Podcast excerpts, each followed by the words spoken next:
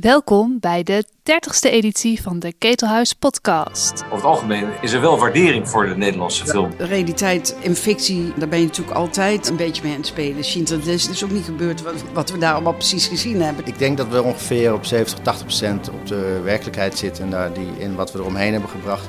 Vooral moet helpen in de techniek van het verhaal vertellen. Er waren wel vrouwen en meisjes in het verzet actief op Walcheren. En uh, ik heb ze eigenlijk samengevoegd. Er was één meisje die maakte door het raam foto's van rakettransporten. Er waren meisjes die fietsten met wapens in fietstassen naar het verzet. Dus die zijn allemaal samengevoegd tot één meisje eigenlijk. Dus ik heb nergens iets totaal fictiefs gedaan, maar niemand heeft echt bestaan.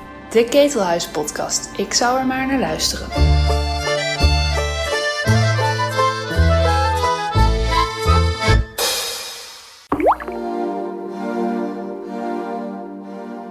Vanaf 13 mei is de Nederlandse speelfilm De Oost te zien via Amazon Prime. Later dit jaar volgen, hopelijk op wat grotere doeken, De Slag om de Schelde en Quo Vadis Aida. Drie nieuwe films over Nederland of Nederlanders in oorlogstijd. Michelle Kremers en Renske Dix spraken met enkele van de makers. De komende tijd gaan er drie oorlogsfilms in première, die fragmenten uit de Nederlandse geschiedenis laten zien. Drie films, drie nieuwe perspectieven op de Nederlandse geschiedenis. Een geschiedenis die wellicht bij velen nog niet bekend was, of een geschiedenis die gevoeligheden en pijnpunten kent. Hoe pak je als maker zo'n geschiedenis aan? Wat voor een onderzoek doe je? En hoe maak je de vertaling van werkelijkheid naar fictie? We praten hierover met Paula van der Oest, scenario-schrijver van De Slag om de Schelde, Sander Verdonk, producent van De Oost, en Els van der Vost, de Nederlandse co-producent van Covades Aida. Laten we bij het begin beginnen. Hoe zijn deze films tot stand gekomen? Allereerst De Slag om de Schelde. Paula van der Oes schreef het scenario van dit min of meer vergeten stuk geschiedenis over een heldhaftige veldslag van de geallieerden tegen de Duitsers aan het einde van de Tweede Wereldoorlog. Een beslissend moment in de aanloop naar de bevrijding van Nederland. We volgen drie jonge mensen. Een Nederlandse jongen die voor de Duitsers vecht, een verdwaalde Engelse gliderpiloot en een bij het verzet betrokken Zeeuws meisje. Paula van der Oest vertelt over de totstandkoming van deze film. Drie jaar geleden uh, ben ik samen met Hélène de Levita en Mark van Eeuwen een productiebedrijf begonnen, Levitate Film.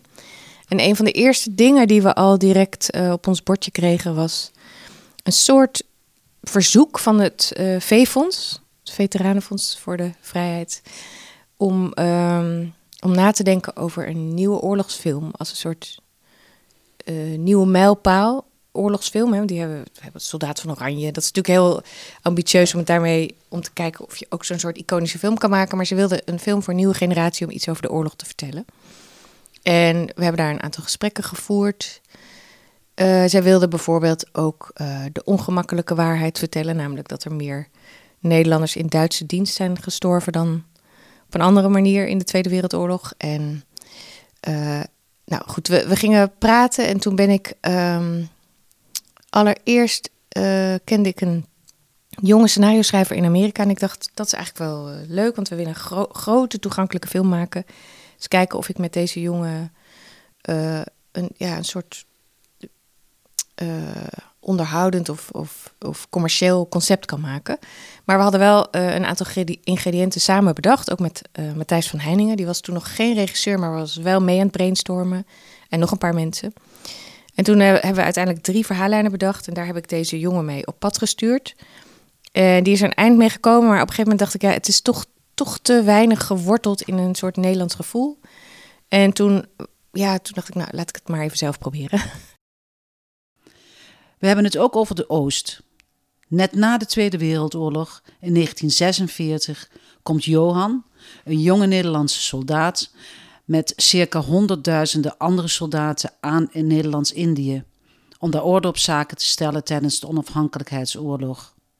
Overigens in onze geschiedenisboeken vaak eufemistisch aangeduid als politionele acties. Gaandeweg raakt Johan in de band van de charismatische legerkapitein Westerling. Wanneer de oorlog escaleert en Westerling het verzet van de bevolking steeds genadelozer neerslaat, vertroebelt de lijn tussen goed en kwaad. Regisseur Jim Tahutu richt zich in de Oosten op een onderbelicht deel van de Nederlandse geschiedenis. Producent Sander Verdonk raakte betrokken bij de Oost toen hij in contact kwam met regisseur Jim Tahutu, die destijds al bezig was met de ontwikkeling van de film. Ik ben vijf en een half jaar geleden ben ik gefuseerd met het bedrijf van Jim, eh, de regisseur, Happekrats. Uh, met mijn productiebedrijf. En uh, zij hadden toen de Oost al in ontwikkeling. Um, super interessant. ik denk dat iedere filmmaker dol is op geschiedenis en op zoek is naar verhalen. En ja, dit is zo'n verhaal wat zo sterk is, maar tegelijkertijd zo onbekend. Dus dat zijn wel de interessante invalshoeken. En Jim heeft natuurlijk ook wel een persoonlijke reden om daarin geïnteresseerd te zijn. Zijn overgrootvader is overleden. En eigenlijk, net als ik ook, zich afvroeg waarom we er zo weinig van weten. En ik heb gewoon geschiedenis eindexamen gedaan en uh, zelfs nog een blauwe maand geschiedenis gestudeerd. En ja, het is gewoon heel gek als je erin duikt hoe weinig we ervan weten. De grootste militaire operatie ooit in de geschiedenis van Nederland. Meer dan 125.000 soldaten heen gestuurd. Vlak na de Tweede Wereldoorlog. En ja, dan kom je allemaal van die hele rare dingen tegen waarvan je denkt, dit klopt gewoon niet. Of waarom weten we het niet? En, en je hebt vooral heel veel verhalen. Dus je denkt, ja, waar gaan we ons op richten? Maar ja, in ieder geval was vrij snel duidelijk dat... Uh, dus toen ik daar met hun uh, voor het eerst uh, door het script heen ging... was al vrij snel de, de, keuze gemaakt om in ieder geval Westeling... een echt historisch personage als antagonist te gebruiken. En uh, een, ja, eigenlijk een fictief protagonist. Uh, de rol van Martijn Lakenmeijer, Johan de Vries. Een jonge soldaat die uh, nou ja, met de beste bedoelingen zich aanmeldt om het goede te doen. Misschien iets goed te zetten. En ja, daar wordt hij geconfronteerd in ieder geval met het dilemma... is dit dan waar ik me voor heb aangemeld? En doen we hier wel het juiste? En is dit niet, gaan we niet te ver? En uh, ik denk dat, dat het, het, vinden van goede dilemma's ook een minimale voorwaarde is voor een goede film. Dus dat zat er allemaal in. En, je, we wisten ook meteen dat er een hele grote relevantie was, omdat het zo gebrekkig juist uh, uh, informatie over deze periode bekend is. Maar in ieder geval, vanuit dat perspectief was het evident dat daar iets bijzonders te vertellen was en is. En dan, ja, dan moet je beginnen. De derde film die we vandaag bespreken is Covades Aida, over de genocide van Srebrenica, waarbij ruim 8000 Bosnische vluchtelingen werden omgebracht. We volgen Aida, een tolk op de Nederlandse VN-basis. Samen met haar gezin en 20.000 andere Bosnische moslims zoekt ze een veilig onderkomen vanwege het oprukkende Bosnisch-Servische leger. In de uren voorafgaand aan de dramatische evacuatie van de vluchtelingen zijn we getuigen van de strijd en morele dilemma's van hoofdpersoon Aida en de Dutchbatters die aanwezig zijn op de basis. De regie is in handen van de Bosnische regisseuse Jasmila Zabanic. Covades Aida is een project waar veel internationale co-producenten bij betrokken zijn. Nadat Els van der Vos regisseuse Jasmila tijdens het filmfestival van Berlijn min of meer toevallig ontmoette, klikte het direct tussen de twee. Ik kende Jasmina en Damir, haar producent, niet. Voordat, ik kende wel haar werk. Ik had in elk geval twee van haar uh, vier speelfilms uh, gezien. En um, het was eigenlijk heel erg toevallig, zoals het vaak gaat in dit vak, dat het eigenlijk uh, dat, de ontmoetingen een beetje van toeval aan elkaar uh, hangen. We, uh, als we op festivals zijn of op momenten waar meerdere filmmakers bij elkaar zijn, ja, soms on, ontmoet je net iemand en kan je daar meteen iets moois mee maken. En soms ontmoet je ze niet en soms ontmoet je ze via een ander kanaal. In dit geval was het zo dat ik in gesprek was met Bruno Wagner. Dat was de, of is de Oostenrijkse co-producent op de film. Die al twee andere films van Jasmila ook geco-produceerd had. Dus die was heel erg bekend met haar, haar werk, um, gezien zijn betrokkenheid, maar kende hun persoonlijk ook heel goed. Maar in dat gesprek, wat, wat ik in Berlijn met hem had, zei hij van... maar misschien is het wel aardig als je kennis maakt met uh, Jasmila en Damir. Want wij zijn wel een tijdje in gesprek geweest met iemand in Nederland, maar is eigenlijk niet van de grond gekomen. En hij zei van, ik denk dat het heel belangrijk is voor Nederland, hoe gevoelig ook, zei hij, want dat snapte niet heel goed. Dat het heel belangrijk is dat, uh, dat toch gekeken wordt of Nederland onderdeel van de financiering en van de, van de co-productie zou kunnen worden. En uh, ja, toen een paar uur later zou ik hun ontmoeten ergens ja, in een hotel op, een plekje. Ik was veel te laat, ik kon het niet vinden. Um, zij hadden meteen een afspraak daarna, dus dat was echt zoiets, zo'n gesprek wat dan vijf minuten plaatsvindt. En uh, ja, dat je dus eigenlijk helemaal niet iemand echt, echt kan ontmoeten. Maar um, ik vond haar meteen, dus Jasmina meteen zo ja, zo'n gedreven iemand en zo gefocust, waar ik heel erg veel van hou, van mensen die heel erg gefocust zijn. Dus ze, ja, ze donderden er echt overheen, maar ook nou veel strenger dan Damir, haar producent, zeggen van, ja, maar we moeten dit hebben, we moeten dat, en het moet snel. En moet... Dus um, nou, dat herken ik wel een beetje, want zo ben ik zelf ook. Dus ik dacht, nou, dan ga ik dat toch maar eens bestuderen. En, uh, ja, en toen is het eigenlijk heel snel wel gegaan dat ik dat uh, het script las en ook al met het film, Filmfonds even overlegd heb, omdat het een veel gevoeligere co-productie is dan dat je normaal doet. Dus het was gewoon politiek best, best een ingewikkeld ding. En ik had, moet ik zeggen, ook nog nooit eerder zoiets bij de hand gehad. Bij mij zit toch de keuze van, uh, um, van projecten heel erg op de regisseur. Mm -hmm. En um, ja, ook wel echt op fictie. Dus ik, ik heb nog nooit iets gemaakt wat, hè, wat zo dicht eigenlijk bij, uh, bij de realiteit uh, stond. Dus ik was zelf ook een beetje aan het zoeken wat, uh, wat ik ermee wilde en of ik mezelf stevig genoeg voelde. Um, dat moet ik heel eerlijk zeggen. Maar ik dacht wel, het is beter dat je als Nederland en als producent bij de film betrokken bent en mee kan kijken wat er gebeurt, dan dat je je verafsluit en dat, ja, dat het je eigenlijk overkomt is een verkeerd woord, maar dat, dat er dan een product is waar je helemaal geen onderdeel, maar ook helemaal geen invloed op hebt gehad. Bij films die op de werkelijkheid gebaseerd zijn, is onderzoek een heel belangrijk onderdeel. Maar waar begin je en hoe pak je zo'n onderzoek aan? Bij het schrijven van het script van De Slag om te Schelde speelde research een belangrijke rol. Parla vertelt over het belang van onderzoek en de inspiratie die ze haalde uit andere oorlogsfilms. Ja, we hebben echt een hele stapel boeken. Matthijs met name heeft alles doorgewerkt. Ik heb een aantal uh, dingen... Ja, we hebben alles gewoon geresearched, want dat kan niet anders. En wat we ook hebben gedaan bij het V-fonds... hadden we gewoon een heleboel mensen die ons uh, ondersteunden. Met uh, legertechnische kennis, met historische kennis. we hebben dus, er zit één groot gevecht in de film. De slag om de Sloedam. En dat klopt echt wel helemaal, want daar kwamen uh, geen Amerikanen, maar Engelsen en Canadezen en Schotten en Polen. En die kwamen daar allemaal vechten tegen de Duitsers. En al dat soort dingen. En ook um, met schrijven moet je al zorgvuldig zijn, met de uitvoering al helemaal. En dat heeft Matthijs dan ook weer heel zorgvuldig gedaan. Het gaat dan over uniformen en wapens en uh, voertuigen. Het was wel grappig, want toen de trailer in de bioscoop kwam, toen uh, kregen wij een telefoontje op kantoor. Ja, dag, heeft u die film uh, geproduceerd? Ja, ik zag de trailer en nou, dat klopt niet, want er waren dus helemaal niet dat soort tanks in Europa. Toen zei ik, nee, dat klopt, want dat is het Oostfront. Maar daarom moet je de film maar even gaan kijken. We hebben ook wel films gekeken, bijvoorbeeld Come and See, die Russische film. Fantastische film. Ook heel, heel veel gewoon vertellen via beeld een jonge hoofdpersoon. Het gekke was, wij waren al aan het draaien toen 1917 uitkwam. Dat, zou, dat lijkt nu een inspiratiebron, maar dat, dat, dat was gelijktijdig. Uh, maar we hebben wel natuurlijk naar. Uh, eigenlijk heb ik alle heleboel oorlogsfilms gekeken. Thin Red Line en uh, ook de Slag om Arnhem. Maar die is, die is dan weer heel. Die doet nu heel gedateerd aan.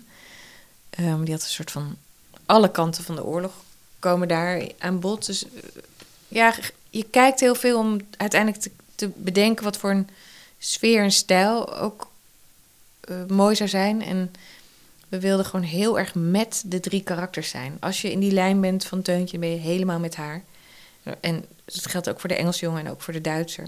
Dus er is geen soort objectief, ook geen objectief uh, slagveld of zo. En dat is denk ik wat het wel ja, wat het wel heel intens maakt. Dat je gewoon ook in die slag bent. Bij het onderzoek voor de Oost zijn de makers niet alleen de archieven ingedoken, maar is er ook gepraat met getuigen van zowel de Nederlandse als Indonesische kant.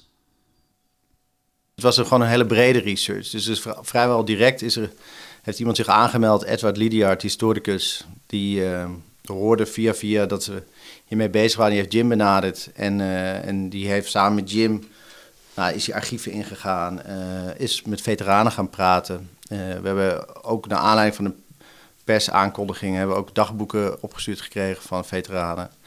En ja, er is eigenlijk best veel, blijkt. Er zijn best wel veel boeken geschreven en heel veel documentaires gemaakt.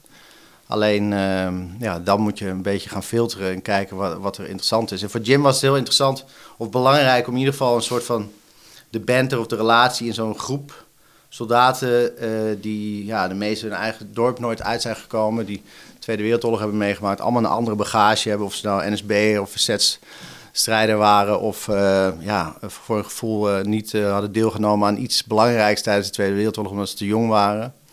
Die dan ja, Nederlands-Indië was al 350 jaar van Nederland. Het was de, de, de vraag of dat een onafhankelijk land zou moeten zijn, dat ging bij de meeste mensen kwam dat niet omhoog.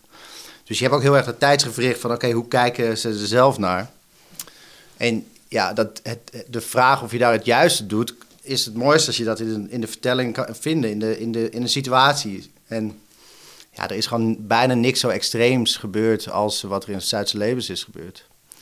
Uh, in een periode dat we geen vrij nieuwsgading hadden. Uh, we hebben daar geen beelden van. Over de Vietnamoorlog werden films gemaakt terwijl, terwijl de oorlog nog gaande was. En, nou ja, op dat moment uh, dus heel veel research. En dan langzaam maar zeker filtert dan dat verhaal zich er een beetje uit. Waarin we ehm, de kans hebben gekregen om nou ja, naar Indonesië te gaan, naar Zuidse Lebens. Ook met nabestaanden van de zuiveringen die daar plaats hebben gevonden gesproken. Maar ook uh, met Maarten Hiskus, die uh, zijn vader diende onder Westeling. En die heeft daar een heel goed boek over geschreven. Thuis gelooft niemand mij. En langzaam zeker een beetje probeert te begrijpen en gewoon karakterstudies te doen. En steeds verder te gaan en, en, en te realiseren, oké, ik weet nog wel het eerste wat ik riep toen ik binnenkwam. En zei, hoezo gaan we dit in Indonesië filmen? Want ja, als producent denk je, ja, ik moet ook geld vinden. En Indonesië heeft gewoon niet echt geld. En, terwijl als je in Thailand in de jungle zou filmen, dan zou je daar nog subsidie krijgen. En, uh, maar al snel bleek aan de ene kant dat er heel veel koloniale leftovers zijn. En op de Semarang binnenstad is toch helemaal zoals het was toen de tijd. En um, de mensen ook niet hetzelfde eruit zien. Weet je wel, daar wordt ook wat makkelijk over gedacht. Dus die geloofwaardigheid was heel belangrijk. En wat heel belangrijk was ook, en dat was voor mezelf eigenlijk de belangrijkste motivatie om in Indonesië toch te gaan filmen, is dat je. Um, we wilden het wel samen met Indonesiërs doen gevoelsmatig is het een project wat ons allebei aangaat. En voor hun is de oorlog, wat de Birth of a Nation was, ondanks alles wat er gebeurd is, hebben ze daar gewoon uh, nou ja, een, positieve herinnering aan. En ja, wij hebben in principe die oorlog verloren. Dat is niet hoe iedereen het interpreteert, maar uh, er is één keer in de geschiedenis van de Verenigde Naties zijn alle landen unaniem tegen één land geweest. En dat was rondom dit, dit conflict tegen Nederland. Dus we zijn eigenlijk gedwongen door de rest van de wereld om het op te geven.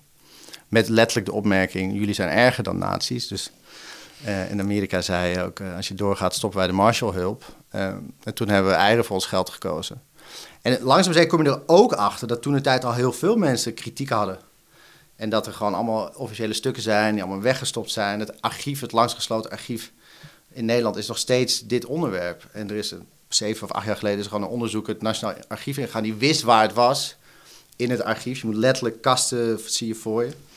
En die heeft een ander onderwerp aangevraagd en die wist dat dat in de buurt was. Daar kreeg hij wel toestemming voor. En die is toen met een fotocamera naar dat betreffende archief gegaan. En is toen foto's gaan maken van al die stukken. En toen kwam eigenlijk het allemaal een beetje aan het rollen. En natuurlijk allerlei historici hadden wel verhalen, maar dit was gewoon officiële papieren waaruit bleek dat Nederland donders goed wist wat ze deden, dat dat niet klopte. En toen kwam eigenlijk ook steeds meer veteranen die de dood in de ogen keken, die langzaam maar zeker hun fotoalbums deelden. En dat je de eerste foto's hmm. van executies en dat soort dingen zag. En um, nou ja, op dat moment uh, heb je wel het gevoel dat je op zich goud in handen hebt. Bij Covades Aida heeft regisseuse Jasmina Zabanic ontzettend veel tijd gestoken in het onderzoek, omdat ze precies wilde weten hoe alles zat, om een zo genuanceerd mogelijk beeld te vormen. Els van der Vorst vertelt. Ik ben, ik ben zelf of niet bij dat onderzoek geweest. Um, Jasmina is denk ik twaalf jaar of zo, maar um, ik pin me er niet helemaal op vast. Maar wel zo'n soort lange tijd, zoveel jaar met die film bezig geweest. Zij heeft heel veel tijd gestopt in research, ook wel in schrijven. Maar ze vertelde ook laatst van, ja, het voelt nou heel erg alsof het schrijven zo lang duurde. Dus hè, om een film te schrijven, ze zegt, ik vind het ook zo fijn om te regisseren. En dat doe je dan eigenlijk maar heel kort. Maar ik denk dat het grootste deel ook van dat schrijversproces heel erg in dat research zat. Want zij wilde wel alles weten. Dus wat ze dan wel of niet ging gebruiken. Ze is echt iemand die heel gedegen onderzoek doet. En dus zij heeft echt naar naar vrijwel iedereen uitgereikt. Dus ook naar kolonel Karremans en major Frankenzoid. Heeft ze allemaal, die wilden weliswaar niet met haar praten. En ze heeft met die advocaten gepraat en met managers. En ze heeft allemaal boeken gelezen, allemaal stukken gelezen. Ze heeft dat heel um, grondig onderzocht. Um, om, uh, om één, om precies te weten hoe het zit. En twee, om, uh, om de beste dingen te, te vinden om, uh, voor haar om, om dat te gebruiken. Ik pak eruit dat, die nuance die zij pakt. Dus op het moment dat, dat zij dat echt heeft lezen en het is zo... en ze vertelt het, dan vind ik dat heel genuanceerd. Als het niet was gebeurd en zij zou denken van... nou, ik wil het een beetje, hè, een beetje pittig, een beetje, een beetje kruidig maken... en je verzint zoiets en het is niet gebeurd ja, dan ga je toch alweer snel die politieke kant op. En daarom, daarom weet ik eigenlijk wel vrijwel zeker dat het allemaal ergens ooit gebeurd of geïnterpreteerd is. Omdat ze daar zoveel tijd en, uh, ja, en zo genuanceerd over uh, is bezig geweest. Ja. Dus, je hebt onderzoek gedaan. Je hebt een bepaald objectief beeld van de werkelijkheid. Maar hoe maak je dan vervolgens als maker de vertaalslag naar fictie? Paula van de Oest liet zich voor haar karakters inspireren door de werkelijkheid. Mensen die echt hebben bestaan. Maar benadrukt dat de personages fictief zijn. Ja, nou ja, de drie karakters zijn fictief. Voor um, Marines was Montaigne een hele grote inspiratiebron. Uh, van Dirk Ayot Kooijman, het boek. Prachtig boek. Um, Teuntje heeft ook niet echt bestaan, maar er waren wel uh, vrouwen en meisjes in het verzet actief op Walcheren. En um, ik heb ze eigenlijk samengevoegd. Er was één meisje die maakte door het raam uh, foto's van rakettransporten. En die stuurde ze naar Engeland. En er, was, er waren meisjes die fietsten met wapens in fietstassen naar het verzet. Dus die zijn allemaal samengevoegd tot één meisje eigenlijk.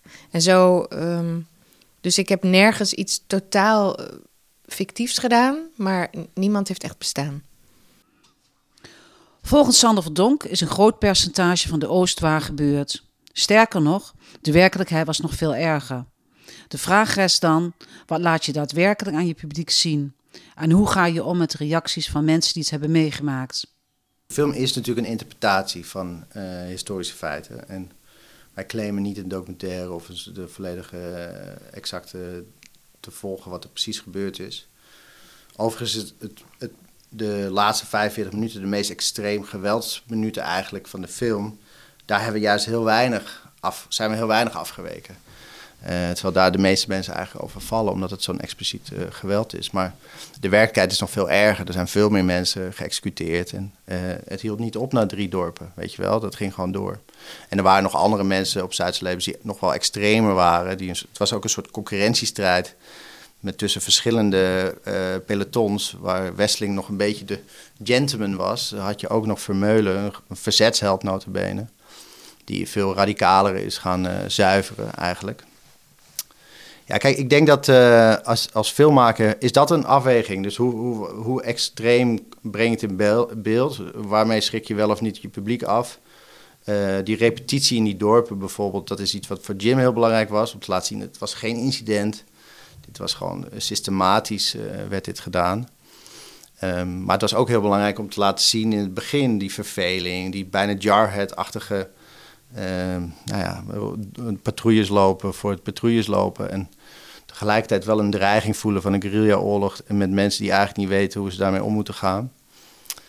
Ik denk dat dat allemaal heel relevant en belangrijk is. De keuze die je maakt naar aanleiding van de research Kijk, wij, zijn, wij hebben bewust gekozen voor een, een samengesteld personage in het hoofdpersonage waarin we verschillende elementen konden meenemen die het misschien inzichtelijker maken hoe uitdagend zo'n reis is. Dus zijn achtergrond, ehm, het feit dat hij vrijwilliger is, ehm, de mensen met wie hij optrekt en wie hij ontmoet. En vervolgens dat hij eh, inderdaad nou ja, een soort vaderfiguur vindt in uh, Westeling. Een uitermate charismatische man, waar je het liefst als kijker... Wil ik, wij willen natuurlijk ook dat de kijker mee wil gaan met die man, weet je wel. Ook om je, ja, dan voel je het, dan wordt het niet ratio, maar emotie. Dan denk je, oh ja, waar had ik precies gestaan in die situatie, weet je wel. Het is ook een eer, was het, om gerecruiteerd te worden, om mee te mogen doen. Echt eindelijk wat te doen, zoals ze in de film zeggen, weet je. Dus ja, ik, ik denk dat... Uh, ik denk dat we ongeveer op 70, 80 procent op de werkelijkheid zitten. En daar die, in wat we eromheen hebben gebracht. Vooral moet helpen in, je, in, je, gewoon in, je, in de techniek van het verhaal vertellen. Weet je wel? Dus er vallen ook mensen momenteel over de kleur van de pakken bijvoorbeeld. Um, wat een heel interessante anekdote is dat uh, een, de heer Tuinder, een veteraan met wie we gesproken hebben, die leeft nog, die hebben we de film laten zien. Een paar weken geleden, 93, super fit. Um, die heeft niet onder Wesseling gediend. Die herkende zich ook niet per se in het laatste stuk van de film. Maar had ondertussen ook wel gehoord dat dit soort dingen gebeurd was. En, uh, maar had ook de rumoer onder de veteranen gehoord over de, onze trailer met die pakken. Dat we ze als nazi's uh, zouden wegzetten.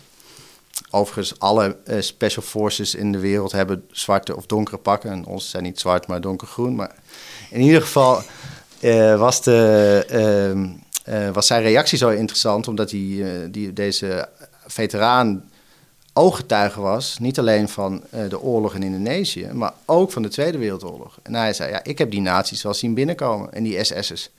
Ik snap niet dat ze nu denken dat het daarop lijkt. Die zagen er heel anders uit. Weet je, dus dat is zo interessant dat je mm. vervolgens, iedereen praat over een stukje beeldvorming, over de typografie van de letters, of de font en over de, het snorretje wel of niet. Maar niemand heeft gepraat over wat die soldaten doen in die teaser, in die trailer. Dus eh, wat fascinerend is, want je draait eigenlijk om het onderwerp heen. Um, maar ja, films maken is natuurlijk wel gebruik maken van dit soort... Ja, ik, ik weet niet wat het goede woord ervoor is, maar soort vignetjes of zo. Je haalt dingen die onbewust bij mensen een soort reactie geven. Maar het keuze voor die pakken was gewoon heel simpel. Net als de gele vliegtuigen bij Dunkerque is gewoon het onderscheid te maken van... oké, nu gaan we naar een andere eenheid, naar een andere fase in de vertelling... zodat we weten waar we zijn. Dus het is gewoon het is een hulpmiddel voor de kijker. Ja, dan vinden wij wel dat je mag afwijken van de realiteit. En de kans dat ze daadwerkelijk Japanners zijn tegengekomen nog... in 46 is gewoon marginaal. Uh, maar ja, ik vond het wel belangrijk om dat element mee te geven. Bij het maken van Covades Arda heeft Jasmina Zabanic juist bewust de stap gezet richting fictie. Als ze zich te zeer zou vastklampen aan de werkelijkheid, kon ze niet de film maken die ze wilde maken. Maar, vertelt producent Els, die keuzes kon ze alleen maken omdat ze door haar onderzoek de werkelijkheid kende.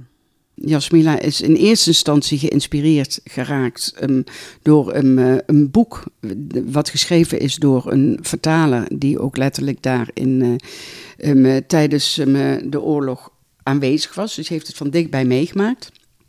En heeft ook familieleden en vrienden verloren in die oorlog. En hij, um, uh, naar aanleiding van dat boek, um, heeft Jasmila contact met hem gekregen om hier op basis van zijn werk dus een film over te gaan maken. Zijn ze jarenlang mee bezig geweest, maar zij wilde ook wel echt naast het boek gewoon de vertaalslag maken om er echt een fictie van te maken. Was voor haar heel belangrijk. Dus ze wilde ze heeft ook documentaires gemaakt in het verleden, maar ze wilde echt hier een fictiefilm over maken. En hij bleef heel erg toch in het. En daarom vind ik het ook symbolisch heel, heel bijzonder, eigenlijk heel mooi dat zij samen gestart zijn. Want zij moest op een gegeven moment hem loslaten vanwege dat fictieve. Ze kregen gesprekken over dat hij dan zei: Ja, maar dat is niet letterlijk zo gebeurd. Of wij rookten geen jointje uh, s'avonds of zoiets heel specifieks. En dat kon zij wel als argument gebruiken van ja, maar ja, misschien Hassan moeten we nu echt hè, uit elkaar gaan. En eh, moet ik gewoon mijn film kunnen maken die ik, die ik wil maken.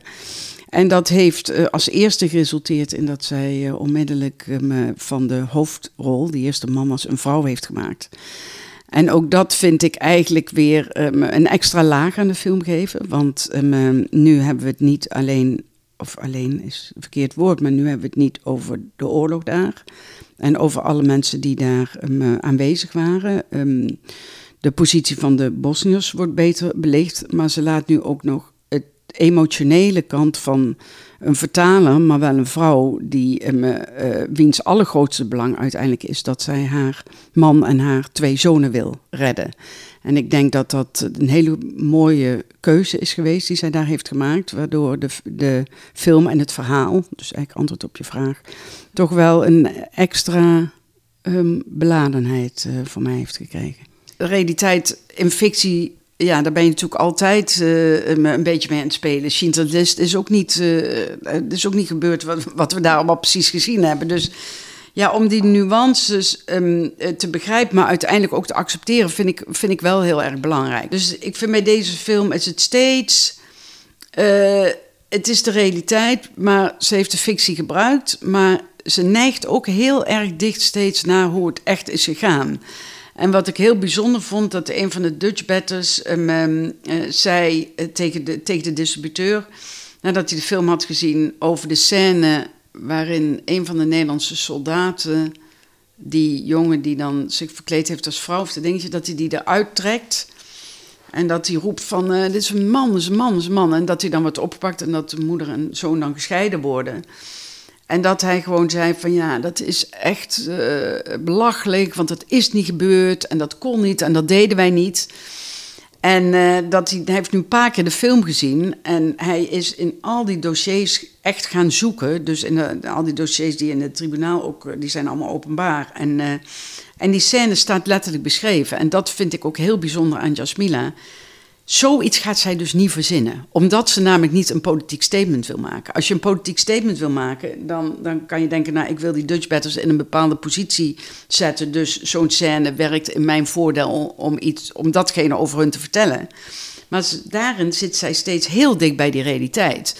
En hij verbaasde zich dat hij dus had gelezen dat het echt was gebeurd. En dat hij ook uh, omschreef van, uh, en dat vond ik pijnlijk, maar ook wel heel emotioneel tegelijk hij zei, ja, natuurlijk wil ik de, de realiteit of de werkelijkheid ook anders zien. Of ja, vind ik het ook moeilijk hè, om er op die manier naar te kijken.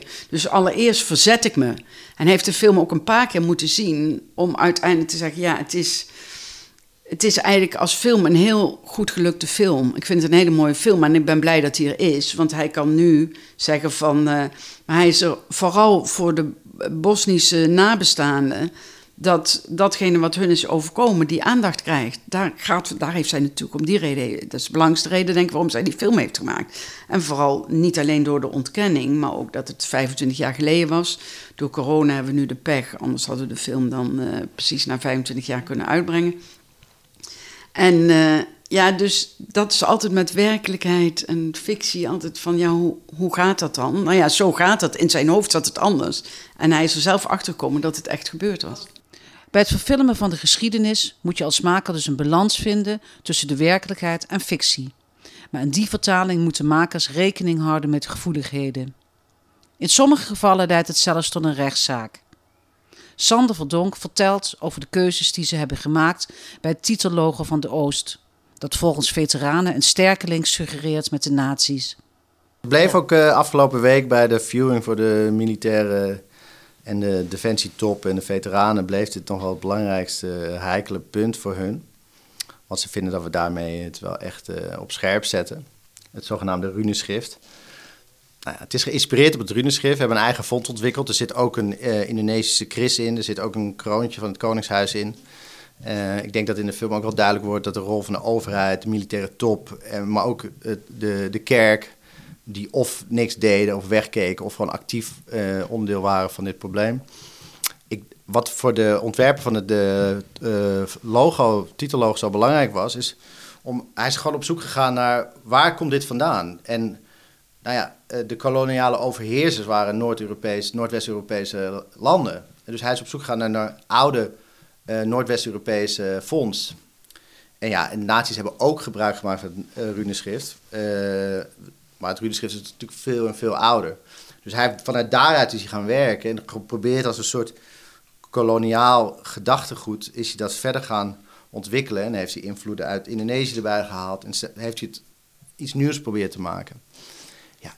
En tegelijkertijd zijn we ook bewust, zijn we als maker ook wel bewust van een klein beetje eh, reuring, weet je wel. Zonder wrijving geen glans. Dus ehm, ik bedoel, ik sta niet per se te springen om volgende week naar de rechter te gaan. Maar ik sta wel uh, in mijn uh, morele. Uh, ik, ik, ik, voel me daar geen. Ik voel me daar hoe dan ook morele winnaar. Want de mensen die ons nu aanklagen, die, die, die, die, die komen met een verhaal. Wat eigenlijk erop neerkomt dat we gewoon weer die deksel op die doofpot moeten doen. En dat we er niet over moeten praten. En het liefst teruggaan naar de koloniale tijd. En wat er gebeurt is allemaal niet erg is. Dat ze letterlijk vinden dat Wesseling de grootste militaire held is die Nederland ooit gehad heeft. Die zou een standbeeld moeten hebben.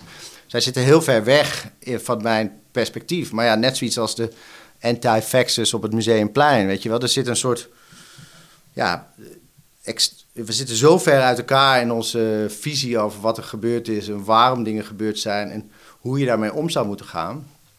Maar ja, nogmaals, wij, wij hebben geen politiek statement gemaakt. Wij willen vooral proberen het gesprek ergens te beginnen. En, je, en ik geloof wel dat je het gesprek makkelijker begint als je, als je die steen wat harder in die vijver gooit omdat meer mensen dan nat worden en, eh, en een mening erover gaan vormen. Nederland kan een rijke historie van oorlogsfilms, waarvan vele over de Tweede Wereldoorlog en het verzet. Maar nu hebben we drie nieuwe films, drie nieuwe perspectieven op gebeurtenissen in de Nederlandse geschiedenis. Alle drie doen een poging om weg te stappen van een klassieke rolverdeling, van aan de ene kant helden en aan de andere kant de slechte rikken.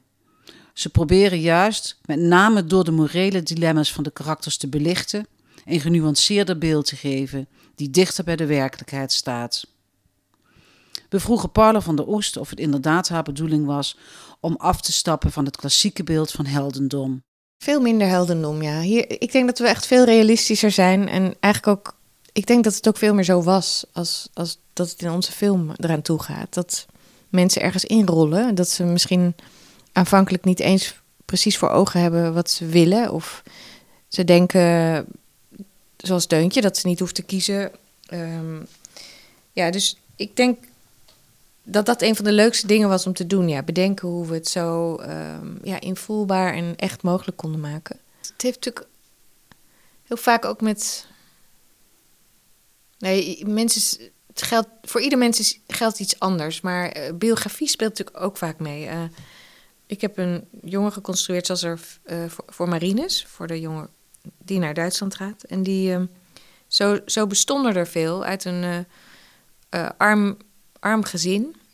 En daar moesten mensen zich kapot werken voor heel weinig geld. En um, of ze werden communist, of ze gingen, ze vielen voor um, nationaal-socialistische propaganda vaak. Niet altijd, maar. en doordat zeg maar deze jongen. En er waren veel meer flashbacks en andere scènes, background uh, scènes die zijn gesneuveld uiteindelijk in de film. Waarin je iets meer zag over hoe gefrustreerd hoe de hoofdpersoon was, of, of de, Marines, over het lot van zijn ouders. Um, en in het geval van William, die moet aan de eisen van zijn vader en de verwachtingen van zijn vader voldoen. Het geval van Teuntje, uh, heeft geen moeder meer en een beetje een rebelse broer. En die denkt, oh, als we maar heel huids deze oorlog doorkomen. Dus iedereen heeft zo zijn eigen geschiedenis van waaruit hij begint. En dat is natuurlijk wat nu en toen en altijd gebeurt. Dus mensen, mensen zijn geen objectieve wezens die gewoon keuzes maken los van, van hun achtergrond en gevoelens en hun trauma's en dat soort dingen. Dus, dus dat is de voedingsbodem voor elk karakter van waaruit ze vertrekken. En dan kan je natuurlijk gedurende het verhaal dingen leren. Maar die basis is er altijd. En ook uh, wat is voor jonge mensen bijvoorbeeld, uh, waarmee kan je identificeren? En dan kom je al snel op uh, vragen als, um, ja, wat voor keuzes maak je in je leven? En zo heb ik het eigenlijk ook opgezet. De, de, de Nederlandse jongen, die gaat eigenlijk om de goede redenen bij de verkeerde. Want hij denkt, ik wil een betere wereld. Want dat was natuurlijk een van de dingen van het um, nationaal socialisme is aan de kaak stellen van corruptie en kloof tussen arm en rijk en de elite die zich verrijkt. Dus hij dacht eigenlijk van ik ga iets goeds doen. De Engelse jongen is eigenlijk een soort verwend jochie wat een beetje een thrillseeker is en de held uit wil hangen. Dus die gaat eigenlijk om de verkeerde redenen voor de goede vechten, met de goede vechten. En eh, het meisje maakt aanvankelijk geen keuze omdat ze denkt dat, nou, ik zit het wel even uit de oorlog en eh, ik hou me gewoon een beetje gedijst, dan is het straks allemaal voorbij. En die komt erachter door een incident dat ze wel een keuze moet maken. Ook Sander Verdonk was zich bij het maken van de Oost bewust van het eenzijdige beeld van heldendom in Nederlandse oorlogsfilms. Het is iets van de laatste jaren eigenlijk. Ik denk dat Zwartboek een van de eerste films was over de Tweede Wereldoorlog waar niet alle Joden goed waren of alle verzetsmensen goed waren en niet alle Duitsers slecht waren. Dat er een soort van uh, uh, ja, kleuring was in die personages. Ik denk dat niemand weet hoe die precies zal handelen in zo'n situatie. Ik denk dat dat dilemma gewoon niet voor te stellen is. Um, wat je natuurlijk in Nederland in de tweede, na de Tweede Wereldoorlog had, is dat iedereen was eerst uh, verzet, was onderdeel van het verzet. En toen in de jaren 60 was iedereen een, een collaborateur, weet je wel. Dus, die, dus het publieke debat of opinie bepaalt ook een beetje hoe je naar je eigen verleden en geschiedenis kijkt. Maar um, ja, wat volgens mij het belangrijkste is, is dat je... Een oorlogsfilm is in mijn optiek altijd een anti-oorlogsfilm. Uh, misschien een paar uit, Amerikaanse uitzonderingen, maar weet je, je laat natuurlijk iets zien wat zo extreem is en wat zo ver buiten je normale uh, levens, hoe noem je dat, beleving uh, gaat. En doordat je dat, het biedt daardoor wel een kans om een soort van extreme situaties waar mensen in terecht kunnen komen uit te vergroten. En dat soort grote morele of interne dilemma's te laten zien. Wat veel lastiger is, die strijd leven en dood. En wat doe je als je onder schot wordt gehouden? Wat doe je als je beste maat wordt doodgeschoten? Of, nou ja, die, die, terwijl je, dan moet je, ga je dan iets doen wat echt niet kan, of wat buiten je grenzen gaat. Ja, ik denk dat dat uiteindelijk de, waar de film over gaat. De slag om de Schelde, de Oost en Covades Aida bieden nieuwe perspectieven op de Nederlandse geschiedenis. Maar wat valt hiermee te winnen? En wat wilden de makers hier eigenlijk mee bereiken? Voor Paarden van der Oest is het met name belangrijk dat een nieuwe generatie weet hoe het zit met dit deel uit de geschiedenis. Een nieuwe generatie moet weten uh, hoe het zat met die oorlog. En binnenkort leeft er niemand meer die het zelf heeft meegemaakt. Dus we moeten dat verhaal vertellen. Geschiedenis is belangrijk om te kennen. En ook het is denk ik ook goed om de verschillende kanten te belichten. Dus inderdaad niet heldendom, maar waar mensen soms foute keuzes maakten. En um, ja, er zijn toch ook een heleboel mensen naar Nederland gekomen om te vechten en om, om ons te bevrijden. En dat is toch ook uh, heel goed om niet te vergeten. Ook voor Els van der Vost is het belangrijk dat we onze ogen niet sluiten voor wat er in de geschiedenis is gebeurd. Nou, ik vind uh, eigenlijk drie dingen belangrijk. Ik vind één belangrijk dat mensen begrijpen dat dit onderdeel is van onze Nederlandse geschiedenis vind ik niet het belangrijkste, maar dat vind ik wel belangrijk dat, dat daar aandacht voor gevraagd wordt. En ook op scholen, jonge kinderen die het echt niet weten. Um, uh, ik vind het heel belangrijk dat uh, wat, wat ze eigenlijk op het einde van de film vertelt: van jongens, we kunnen onze ogen niet sluiten voor wat er vandaag de dag in de wereld gebeurt. Weet je wel, we kunnen niet zomaar mensen opofferen of dood laten schieten omdat, er, omdat we elkaar niet helpen. Dus dat hele morele stuk vind ik heel belangrijk. Maar ja, wat ik al zei, ik ben allereerst filmmaker. En ik maak films omdat ik graag mensen wil emotioneren. En, en dat doet deze film. En dat heb ik echt gehoord van heel veel mensen die hem hebben gezien. En dat hoop ik, dat mensen naar kijken en dat ze, dat ze die dingen meekrijgen. En dat ze daardoor uh, uh, ontroerd raken. Ja. Tot zover deze Ketelhuis podcast. Je vindt de Ketelhuis podcast in je favoriete podcast app en natuurlijk op onze website ketelhuis.nl/slash podcast. Abonneer je vooral zodat je geen enkele aflevering mist en leuk als je een reactie achterlaat. Hou ons in de gaten, we zijn snel weer terug met een nieuwe podcast.